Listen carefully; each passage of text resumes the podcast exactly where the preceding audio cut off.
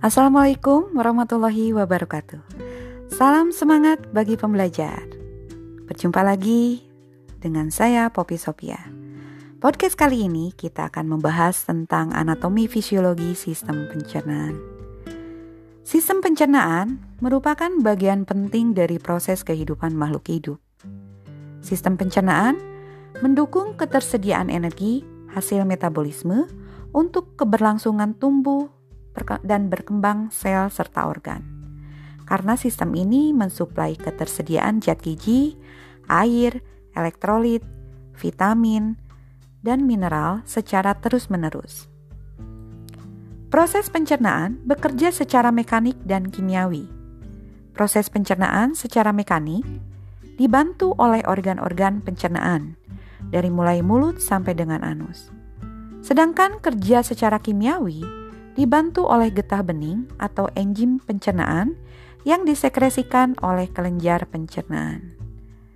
Saluran pencernaan makanan terbentang dari mulai mulut sampai anus, merupakan saluran yang menerima makanan dari luar, kemudian diolah agar siap diserap oleh usus halus melalui proses pencernaan dari mulai pengunyahan, penelanan, dan pencampuran dengan bantuan kerja enzim serta hormon. Saluran pencernaan pada manusia terdiri dari organ utama dan organ aksesoris. Organ utama dimulai dari mulut, faring, esofagus, gaster, duodenum, yeyenum, ileum, rektum, dan anus. Sementara organ aksesoris antara lain gigi, appendix atau umbai cacing, dan kelenjar pencernaan yang terdiri dari ludah, hati, dinding lambung, kelenjar pankreas, dan usus halus.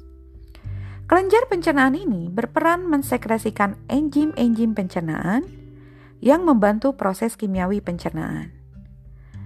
Bahan makanan dari luar akan mengalami penguraian secara mekanik maupun kimiawi di rongga mulut. Proses pengunyahan atau mastikasi memecah makanan kompleks menjadi bolus makanan yang lebih sederhana sehingga mudah ditelan.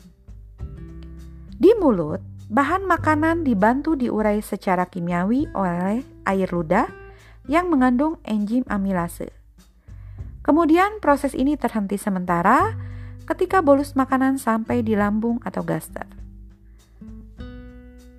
Pada keadaan normal, Bahan makanan tinggal beberapa jam di dalam lambung.